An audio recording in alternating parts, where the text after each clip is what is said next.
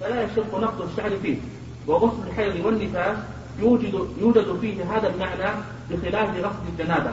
فإنه تكرر فيشق فيشق النقض فيه. فلذلك لم يؤمر فيه بنقض الشعر. انتهى كلامه. المسألة الخامسة. قال ابن رجب وقد تكلم بعض العلماء في لفظة أمر غير تاخذ أجل تاخذ نصف يعني بيصلي بالضلع العشاء. لأن فيه حفل صغير حفظ القرآن وعدناهم نصلي معهم هناك ممكن البحث إن شاء الله في الدرس القادم نكمل. بسم الله. بسم الله الرحمن الرحيم. الحمد لله رب العالمين. وصلى الله وسلم وبارك على عبده ورسوله نبينا محمد وعلى آله وأصحابه وأتباعه بإحسان إلى يوم الدين. قال الإمام البخاري رحمه الله تعالى في كتاب العمرة في باب في باب متى يحل المعتمر. حدثنا أحمد بن عيسى قال حدثنا ابن وهب قال أخبرنا عمرو عن أبي الأسود أن عبد الله مولى أسماء بنت أبي بكر حدثته أنه كان يسمع أسماء تقول كان يسمع أسماء تقول كلما مرت بالحجون صلى الله على محمد لقد نزلنا معه ها هنا ونحن يومئذ خفاف قليل ظهرنا قليلة أزوادنا فاعتمرت أنا وأختي عائشة والزبير وفلان وفلان فلما مسحنا البيت أهللنا من العشي بالحج.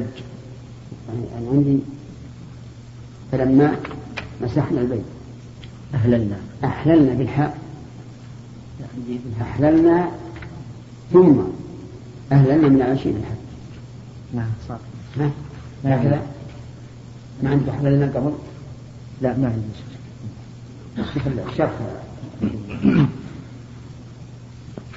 قوله ونحن يومئذ خفاف. زاد مسلم في روايته خفاف الحقائب والحقائب جمع حقيبة بفتح المهملة وبالقاف الموحدة وهي ما احتقبه الراكب خلفه من حوائجه في موضع الرديف. قوله فاعتمرت أنا وأختي أي بعد أن فسخوا الحج إلى العمرة. ففي رواية صفية بنت شيبة عن أسماء قدمنا مع رسول الله صلى الله عليه وسلم مهلين بالحج. فقال من كان معه هد فليقم على فليقم على إحرامه ومن لم يكن معه هد فليحل فلم يكن معي هدي فأحللت وكان مع الزبير هدي فلم يحل انتهى. وهذا مغاير لذكرها الزبير مع مع من أحل في رواية عبد الله مولى أسماء. فإن قضية رواية, رواية صفية عن أسماء أنه لم يحل لكونه ممن ساق الهدي فإن جمع بينهما بأن القصة المذكورة وقعت لها مع الزبير في غير حجة الوداع كما أشار إليه النووي على بعده. وإلا فقد رجح عند وإلا فقد رجح عند البخاري رواية عبد الله مولى أسماء فاقتصر على إخراجها دون رواية دون رواية صفية بنت شيبة. وأخرجهما مسلم مع ما فيهما من الاختلاف ويقوي ويقوى صنيع البخاري ويقوي صنيع البخاري ما تقدم صنيع البخاري. صنيع البخاري ما تقدم في باب الطواف على وضوء من طريق محمد بن عبد الرحمن وهو أبو الأسود المذكور في المذكور في هذا الإسناد المذكور في هذا الإسناد.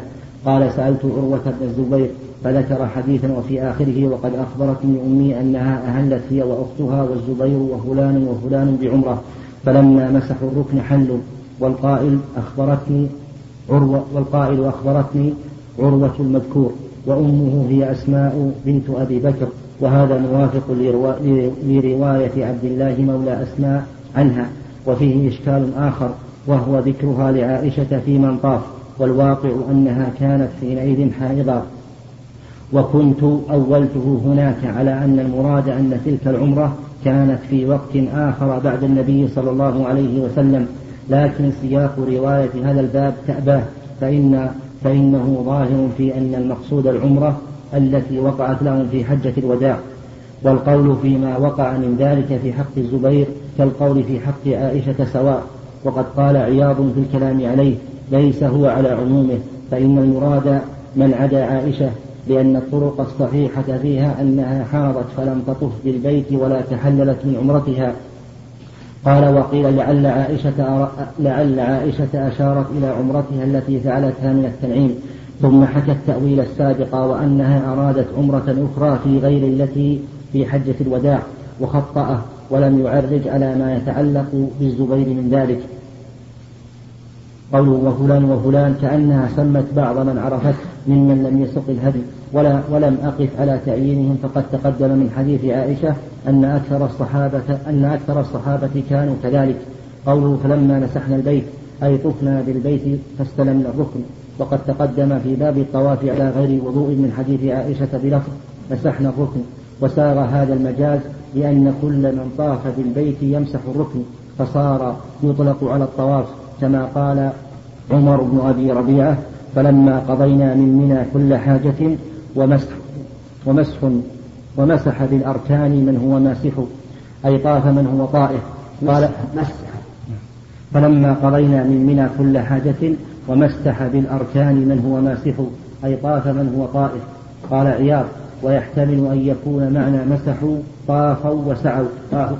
طافوا وسعوا وسعوا. وحدث وحدث السعي اختصارا لما كان منوطا بالطواف. قال ولا حجة في هذا الحديث لمن لم يوجب السعي لأن أسماء أخبرت أن ذلك كان في حجة الوداع وقد جاء مفسرا من طريق من طرق أخرى صحيحة أنهم طافوا معه وسعوا فيحمل ما أجمل على ما بين والله أعلم. لا الظاهر الظاهر عائشة لا شك أنها لم تدخل في هذا في حجة الوداع. لأنها ما طافت إلا طواف الإفاضة. وفي هذا الحديث إذا كان اللفظ محفوظا دليل على جواز العمرة صباح اليوم الثاني.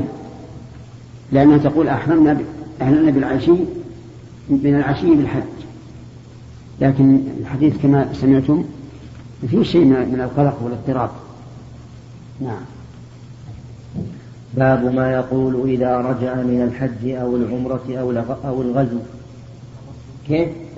لما مسحنا البيت أحللنا من العشيق لا أحللنا ثم أهللنا. أحللنا بالحاء ثم أهللنا.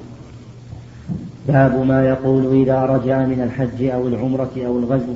حدثنا عبد الله بن يوسف قال أخبرنا مالك عن نافع عن عبد الله بن عمر رضي الله عنهما أن رسول الله صلى الله عليه وسلم كان إذا قفل من غزو أو حج أو عمرة يكبر على كل شرف من الأرض ثلاث تكبيرات ثم يقول لا إله إلا الله وحده لا شريك له له الملك وله الحمد وهو على كل شيء قدير.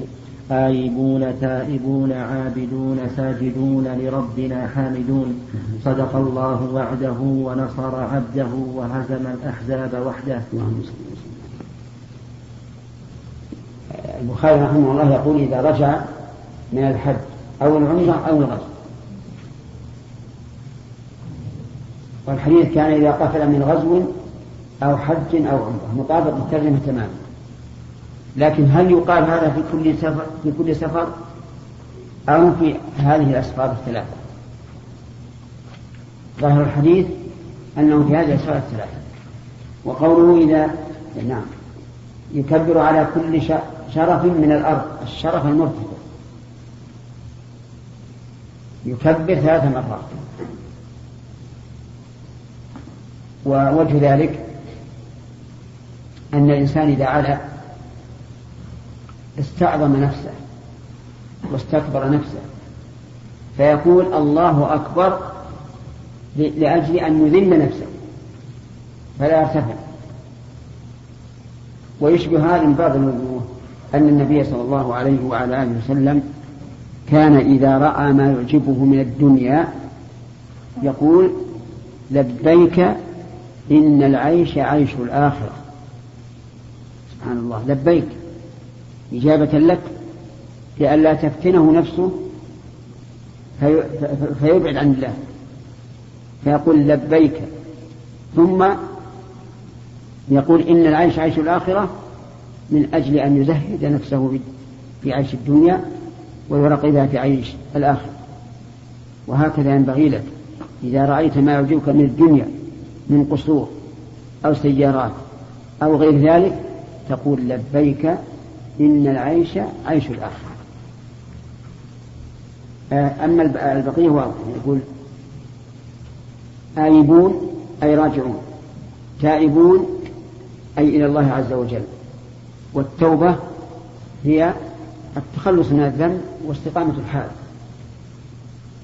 عابدون من العبادة. ولربنا حامدون. ها؟ نعم عابدون ساجدون. خص السجود لأنه مختص بالصلاة التي هي أفضل أنواع العبادة. لربنا حامدون. قدم المعمول لإفادة الحصر أي لربنا وحده حامدون. والحمد هو عبارة عن إقرار الإنسان بكمال صفات الله عز وجل مع المحبة والتعظيم. صدق الله وعده. بأي شيء؟ بما وعد من النصر. إنا لننصر رسلنا والذين آمنوا في الحياة الدنيا ويوم يقوم الأشهاد.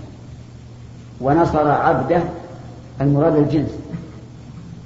لكن بالنسبة للإنسان إذا كان الله نصره بنفسه فالمراد العين يعني الشخص.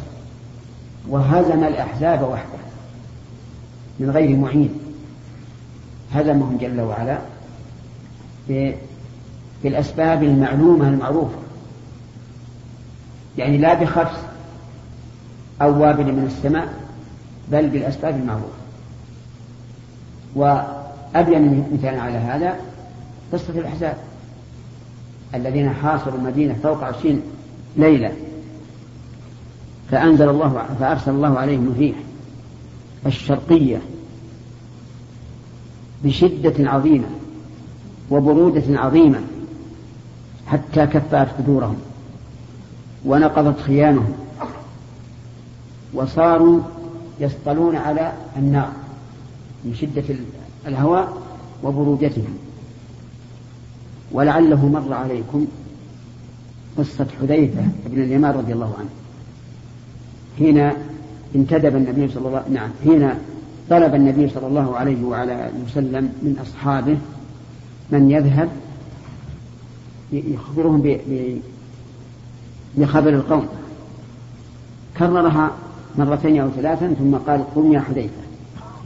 يقول فلما قال قم يا حذيفة لم أر بدا من إجابة الرسول صلى الله عليه وسلم. قال اذهب وأخبرنا عن عن القوم ولا تحدث شيئا. لا تحدث شيئا. يقول فخرجت من عند النبي صلى الله عليه وسلم فلما دخلت يعني مكانهم مع شدة البرودة كأني في حمام. الله أكبر. أذهب الله البرودة والريح وكل شيء. يقول فجعلت أنظر. فإذا أبو سفيان يصطلي على النار يعني يستدبرها ويستقبلها. يقول فلو أردت أن أصيبه لأصبته. لقربه منه وتمكني لكني قد قال لي النبي صلى الله عليه وسلم لا تحدث شيء فلم أحدث. يقول ثم صاح أبو سفيان لينظر كل واحد منكم من جليسه. يقول فأخذت الجنب قلت من أنت؟ بادره وهذا مما يدعى على الذكر. من أنت؟ قال أنا فلان. خلاص. نعم. يقول ثم رجعت إلى النبي صلى الله عليه وسلم وهو يصلي. فلما دخلت يعني تعديت منطقة العدو ودخلت منطقة الصحابة عاد البرد كما كان. يقول فجئت والنبي صلى الله عليه وسلم يصلي فوضع علي من ردائه عليه الصلاة والسلام ليدفع.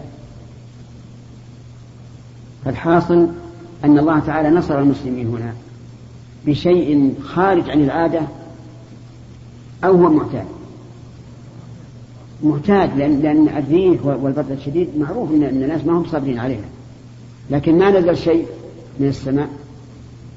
إذا هزم الأحزاب وحده بإيش؟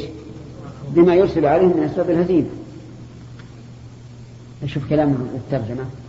هل هذا الذكر خاص بمن رجع من غزو أو حج أو عمرة أو عام؟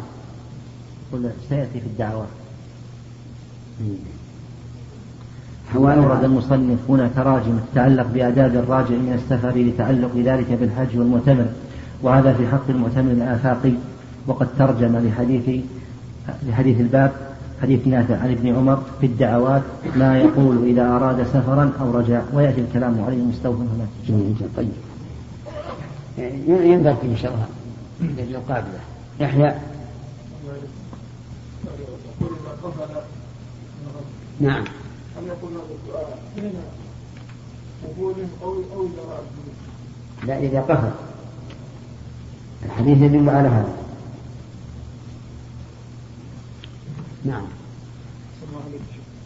حديث واحد بأنه دابة التي على الأرض إيش؟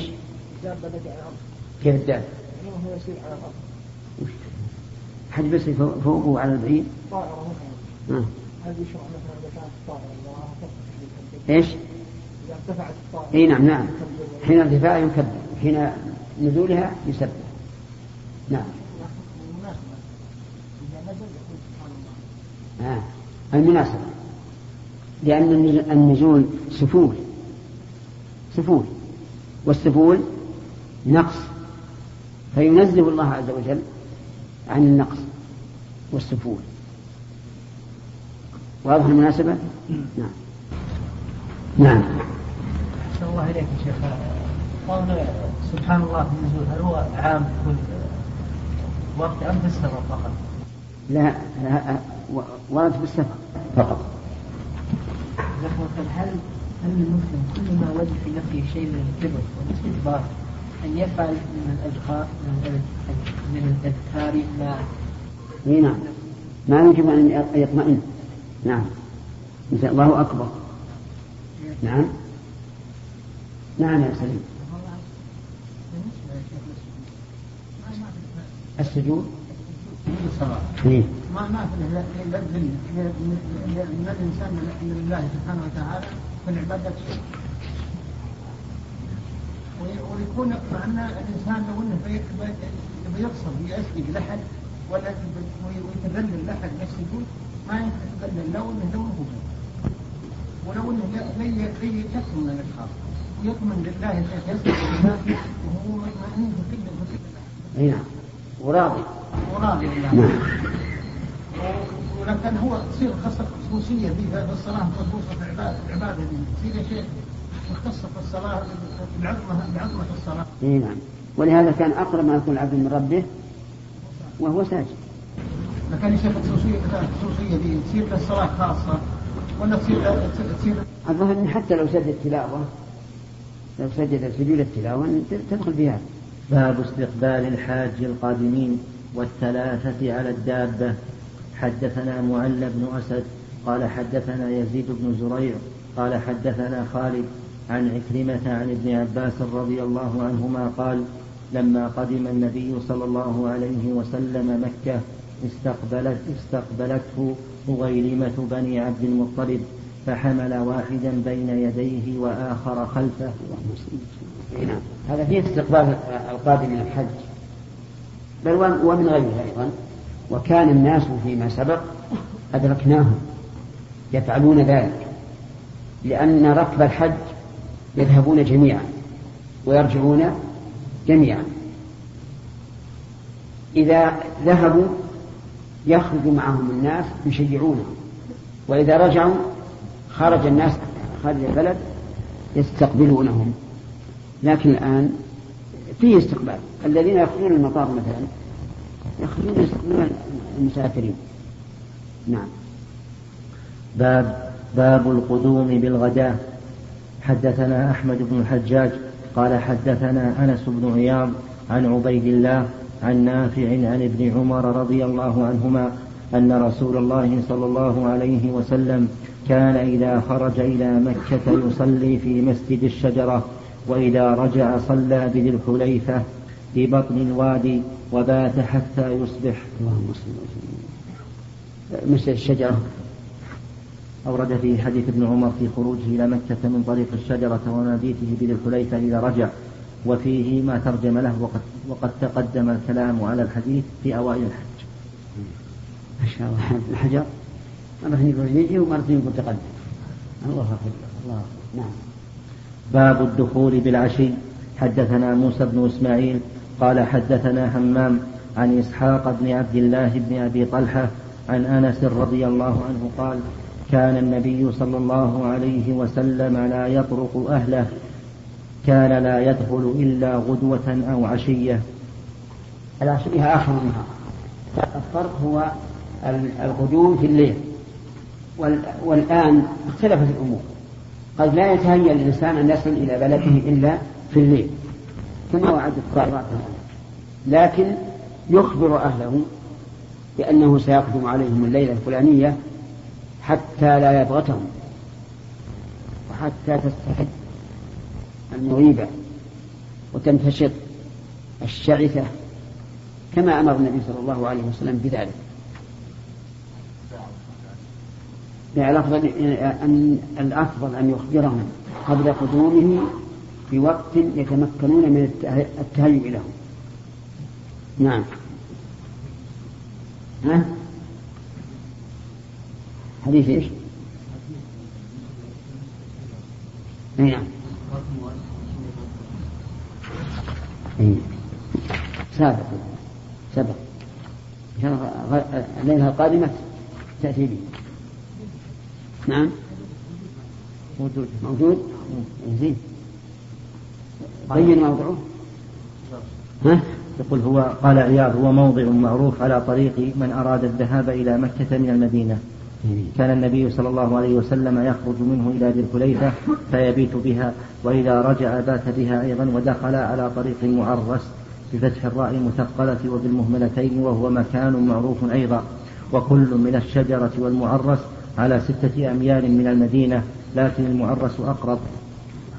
إيش؟ إذا إذا وصل المحطة. نعم. نعم. لا لا بد أن يدخل البيت البلد. إذا دخل المسافر البلد أول ما يبدأ أن يصلي ركعتين في المسجد. قال الحافظ ابن رحمه الله تعالى قوله باب الدعاء إذا أراد سفرا أو رجع فيه يحيى بن أبي إسحاق عن أنس كذا وقع في رواية الحموي على الفربري ومثله في رواية أبي زيد المروزي.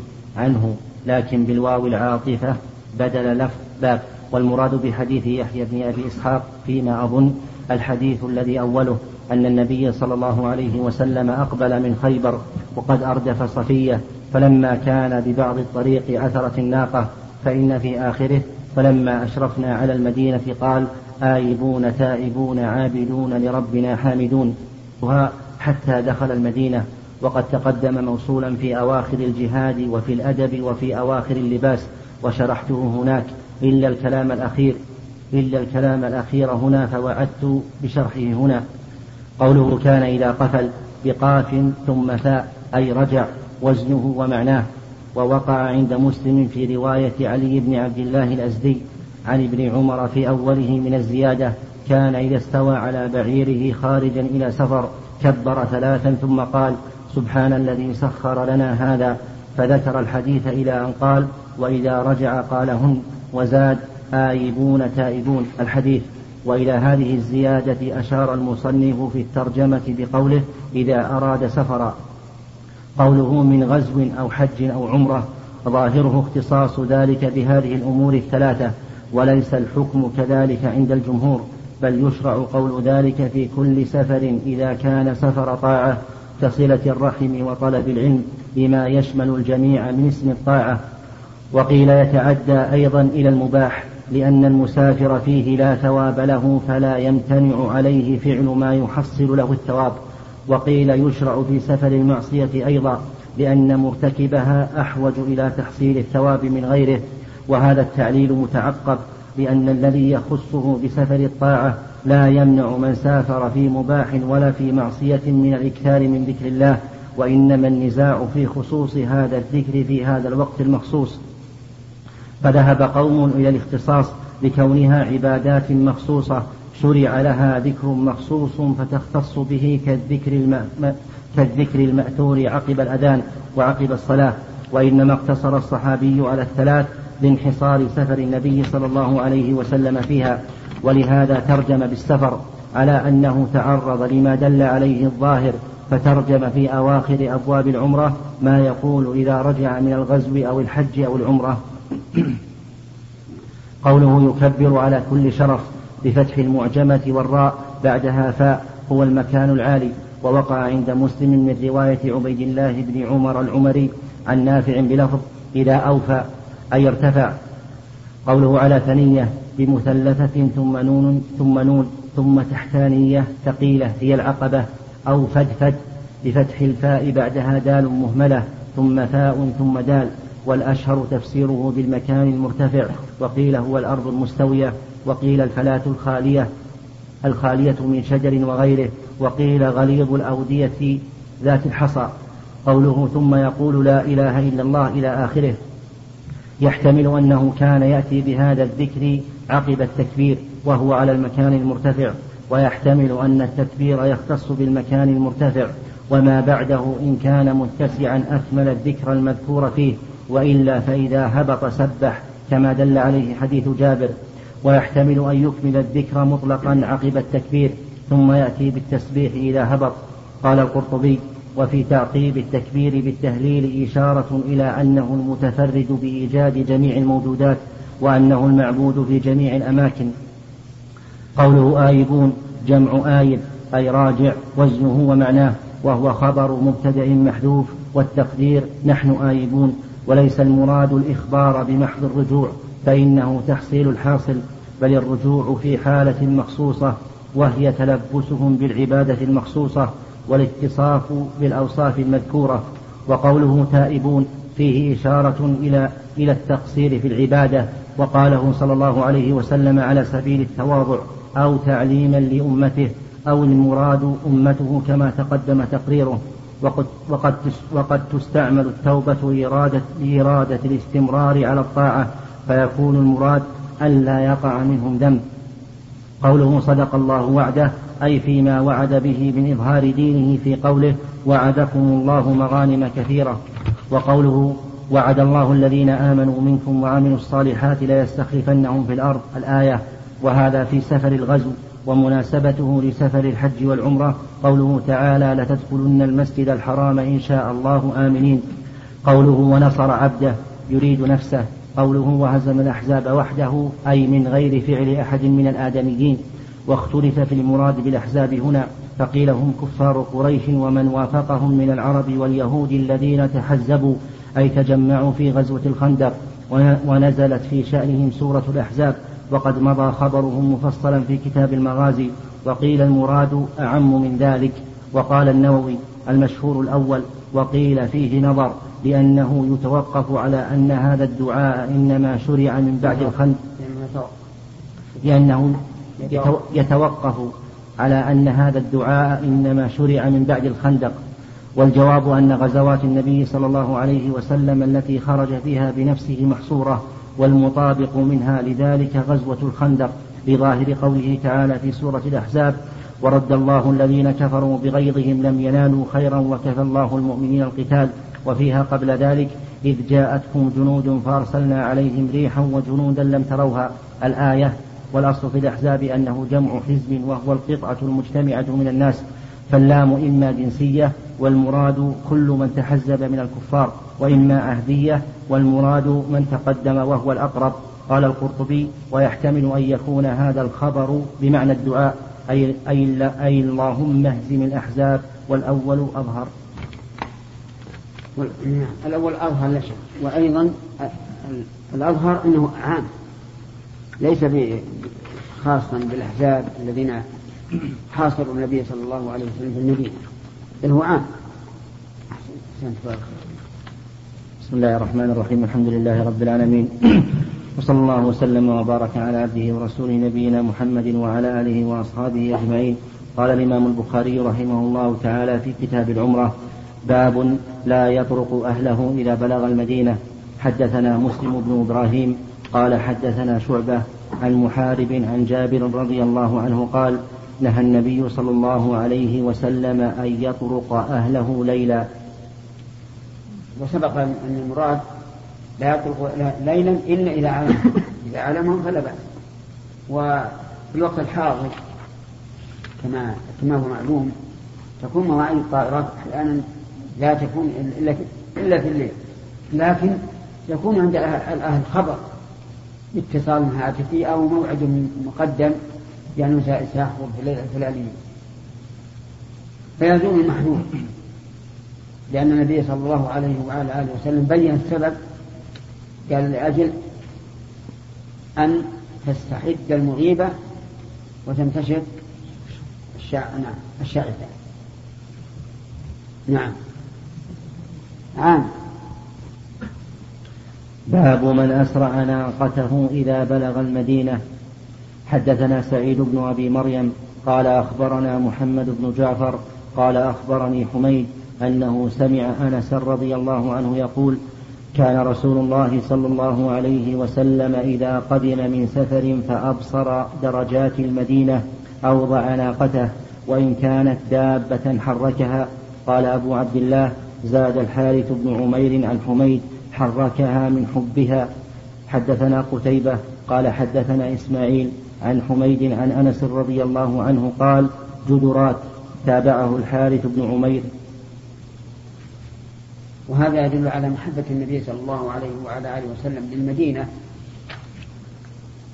وأنه من شدة الشوق إذا رآها حرك الناقة فيستفاد من هذا أنه أنه إذا كان الإنسان يحب بلدته فإنه إذا أقبل عليها يحب كما فعل النبي صلى الله عليه وعلى آله وسلم. نعم. كيف؟ يعني يسرع في أي نعم. لا يسرع يمشي على 200 أو 300 نعم. باب قول الله تعالى وأتوا البيوت من أبوابها. حدثنا أبو الوليد قال حدثنا شعبة عن أبي إسحاق قال سمعت البراء رضي الله عنه يقول نزلت هذه الآية فينا كانت الأنصار إذا حجوا فجاءوا لم يدخلوا من قبل أبواب بيوتهم ولكن من ظهورها فجاء رجل من الأنصار فدخل من قبل بابه فكأنه عير بذلك فنزلت وليس البر بأن تأتوا البيوت من ظهورها ولكن البر من اتقى وأتوا البيوت من أبوابها. الحمد لله. هذا مما يدل على جهل الناس قبل الإسلام. وأن الرجل إذا قفل من الحج والعمرة ما يدخل مع الباب المعروف. يذهب يتسور الجدار. ويرون أن دخوله مع الباب عيب. ولكن الله عز وجل بين هذا وأن المشروع أن يأتي البيوت من أبوابه.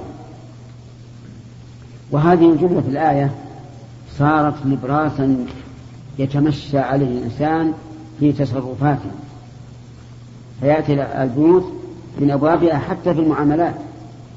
مثلا إذا كان عنده إشكال لا يذهب إلى إدارة التعليم مثلا دون إدارة المدرسة. يبدأ بإدارة المدرسة. إذا كان تنتهي بإدارة التعليم لا يرفع عنه الوزارة. وهكذا. فصارت هذه الآية مثلا لكل من أراد أن يعامل معاملة فيأتي البيوت من من أبواب. كذلك أيضا لو رأى امرأة آه، متبرجة فلا فلا يتكلم معه. يتكلم مع من؟ مع وليها زوجها أو أو أخيها أو أبيها أو ما أشبه ذلك.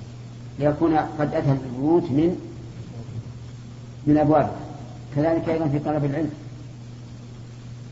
لا يطلب العلم أول ما يطلب يذهب إلى المغني مثلا. أو إلى شعر مهذب أو إلى التمهيد أو ما أشبه ذلك لا.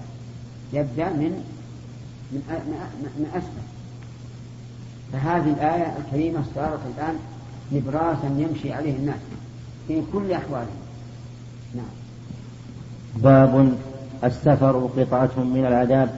حدثنا عبد الله بن مسلمة قال حدثنا مالك عن سمي عن أبي صالح عن أبي هريرة رضي الله عنه عن النبي صلى الله عليه وسلم قال السفر قطعة من العذاب يمنع أحدكم طعامه وشرابه ونومه فإذا قضى نهمته فليعجل إلى أهله. في هذا الحديث على أن السفر قطعة من العذاب يعني من الألم والتعب والتعذي وليس المراد العذاب الذي هو عقوبة الله عز وجل. لأن السفر قد يكون سفر ضاعة سفر حج جهاد عمرة طلب علم.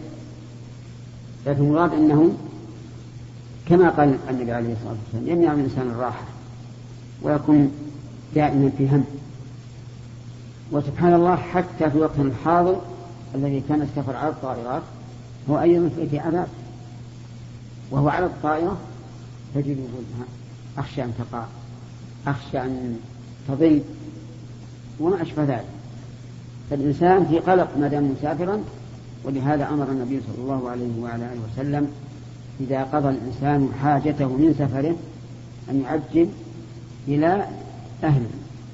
ومن ذلك الحج والعمرة. إذا انتهيت من الحج والعمرة فعجل للأهل. لأن غرضك الذي جئت من أجله قد انتهى. نعم. وفي هذا حسن المعاشرة بالأهل أن الإنسان لا يتأخر عنه. ما دام انتهت حاجته فلا يتأخر. نعم. نعم. الآن إذا جاء الشخص يريد شخصا غالب إما أن يأتيه من شباك يناديه أو يضرب له بوري. فهل يدخل في النهي؟ لا لأن هذا في من أراد أن يدخل فيه أما هذا ما أراد أن يدخل لا حرج أن عليه لا بأس لا بأس. لا يزعج فيكون من جنس الأعراب الذين ينادون الرسول صلى الله عليه وسلم من وراء الحجرات. نعم. أي حديث؟ حديث على كل المغتربين مثلا ونقول مثلا من السنة أن يرجع فور انتهاء طلبه. آه المبادرة. نعم. كل مسافر سواء لحج أو عمرة أو زيارة. أو تجارة أو طلب علم